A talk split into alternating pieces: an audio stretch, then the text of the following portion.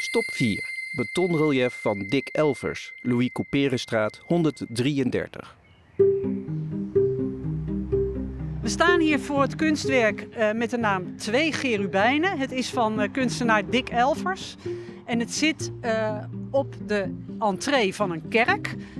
In de jaren 50 waren mensen nog heel gelovig. En de meeste mensen waren protestant of katholiek of socialist. Maar de meeste mensen gingen echt naar de kerk. En in deze buurt zit er ook op bijna iedere straathoek wel een kerk eigenlijk. Misschien een tikkeltje overdreven, maar we begrijpen wat ze bedoelt.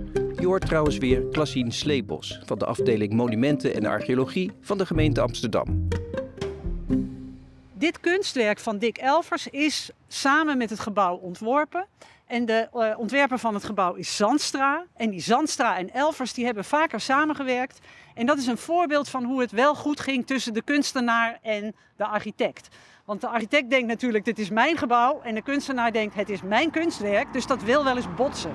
Dat ging in hun geval goed. Nou, misschien is het kunstwerk dan wel een dubbel portret van de kunstenaar en de architect. Joost mag het weten.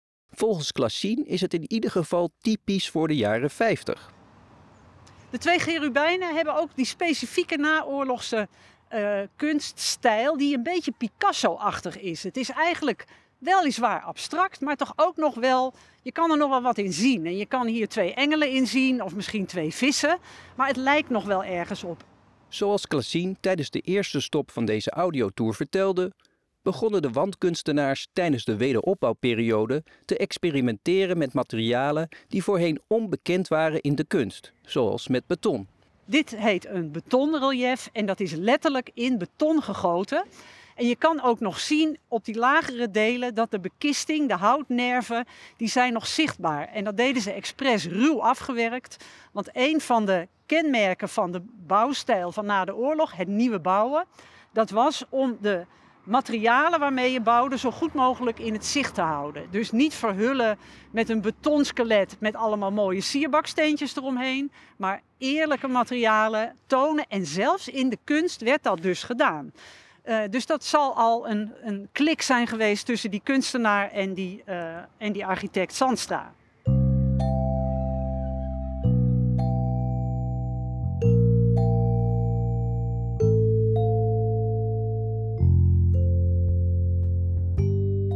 Elvers werd in 1910 in Rotterdam geboren, de stad waar hij ook de kunstacademie doorliep. Op deze opleiding bekwaamde hij zich, net als veel van zijn medestudenten, in verschillende disciplines en in het werken met verschillende materialen. En die Elvers die heeft in deze kerk nog twee prachtige glasappliqués gemaakt. Dus van een heel ander materiaal. Als je wat naar links kijkt, naar boven die fysiotherapiepraktijk, dan zie je een donkere ruit. Nou, als het je lukt om hier naar binnen te gaan, probeer het dan. Want van binnen naar buiten gezien is het echt een schitterend abstract kunstwerk. Beetje Karel Appelachtig en uh, nou ja, heel mooi. Uh, nog zo'n glasappliqué, dat is als je nu nog een stapje verder naar links kijkt, dan zie je dat er een school wordt gebouwd. Daar zat een heel mooi glasappliqué van Aard Roos. Uh, een Cobra-kunstenaar. Dat wordt nu helemaal gerestaureerd en dat is inmiddels teruggeplaatst in de nieuwbouw. En uh, dat is een voorbeeld van hoe de gemeente zich dan bekommerd heeft over die kunst en uh, ervoor zorgt dat die behouden blijft. Volgens Klassien kan je de naoorlogse wandkunstwerken grofweg verdelen in drie verschillende stijlen. Eén, dat is die Picasso-achtige, half abstracte stijl. Die komen we denk ik het meest tegen. Um, iets minder vaak, maar toch ook echt jaren 50, dat is Cobra. Nou, daarvan is Aard Roos een, uh, een voorbeeld. En de derde is de stijl. En dat is volledig abstract. Dan gaat de kunst volledig ook op in de architectuur. Het gaat alleen dan nog maar om vlakken en kleuren. En niet meer om figuratieve voorstellingen. Van zo'n abstract en op de stijl geïnspireerd wandkunstwerk komen we in de volgende stop een beroemd voorbeeld tegen. Maar eerst nog even over de cherubijnen van Dick Elvers, want daar is iets speciaals mee aan de hand. Bij het nieuwe bouwen wilden ze de ruwe materialen in het zicht houden. Maar beton is natuurlijk grijs van zichzelf. En dit kunstwerk is ingekleurd. En dat is niet voor het eerst, want het heeft ook nog andere kleuren gehad. Maar Elvers die zou zich in zijn graf omdraaien als die dat zou zien. Want dat was helemaal de bedoeling niet. Ik vind zelf dat je het origineel moet laten. Want kijk, dan denk je, ja, het is grijs, grijs, grijs. Maar op het moment dat daar de zon schuin op staat en je ziet die schaduwwerking van die zon. En die zie je met het uur en met de dag veranderen. Dan heb je een heel ander soort kunstwerk. Dan heb je eigenlijk een levender kunstwerk dan nu. Dus dat zou ik wel heel mooi vinden. Nu is mooi een subjectief oordeel, weet ook Klassien. De kwaliteit van de wandkunstwerken in deze tour zit hem dan ook niet altijd in de esthetiek puur sang. De werken zijn bovenal stille getuigen van een tijd waarin kunst werd gezien als iets waardevols voor alle lagen van de bevolking.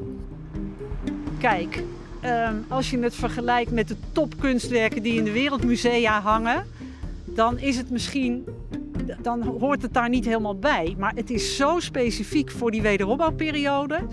In de, in de thematiek, in de materialen, in de manier waarop een kunstwerk en een gebouw met elkaar samenhangen.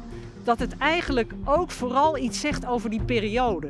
Dus de waarde van het kunstwerk is niet alleen het kunstwerk zelf, maar ook het, het ons laten zien hoe in de wederopbouw uh, de kunst werd ontwikkeld. En dat vind ik, dan is het dus eigenlijk meer erfgoed geworden.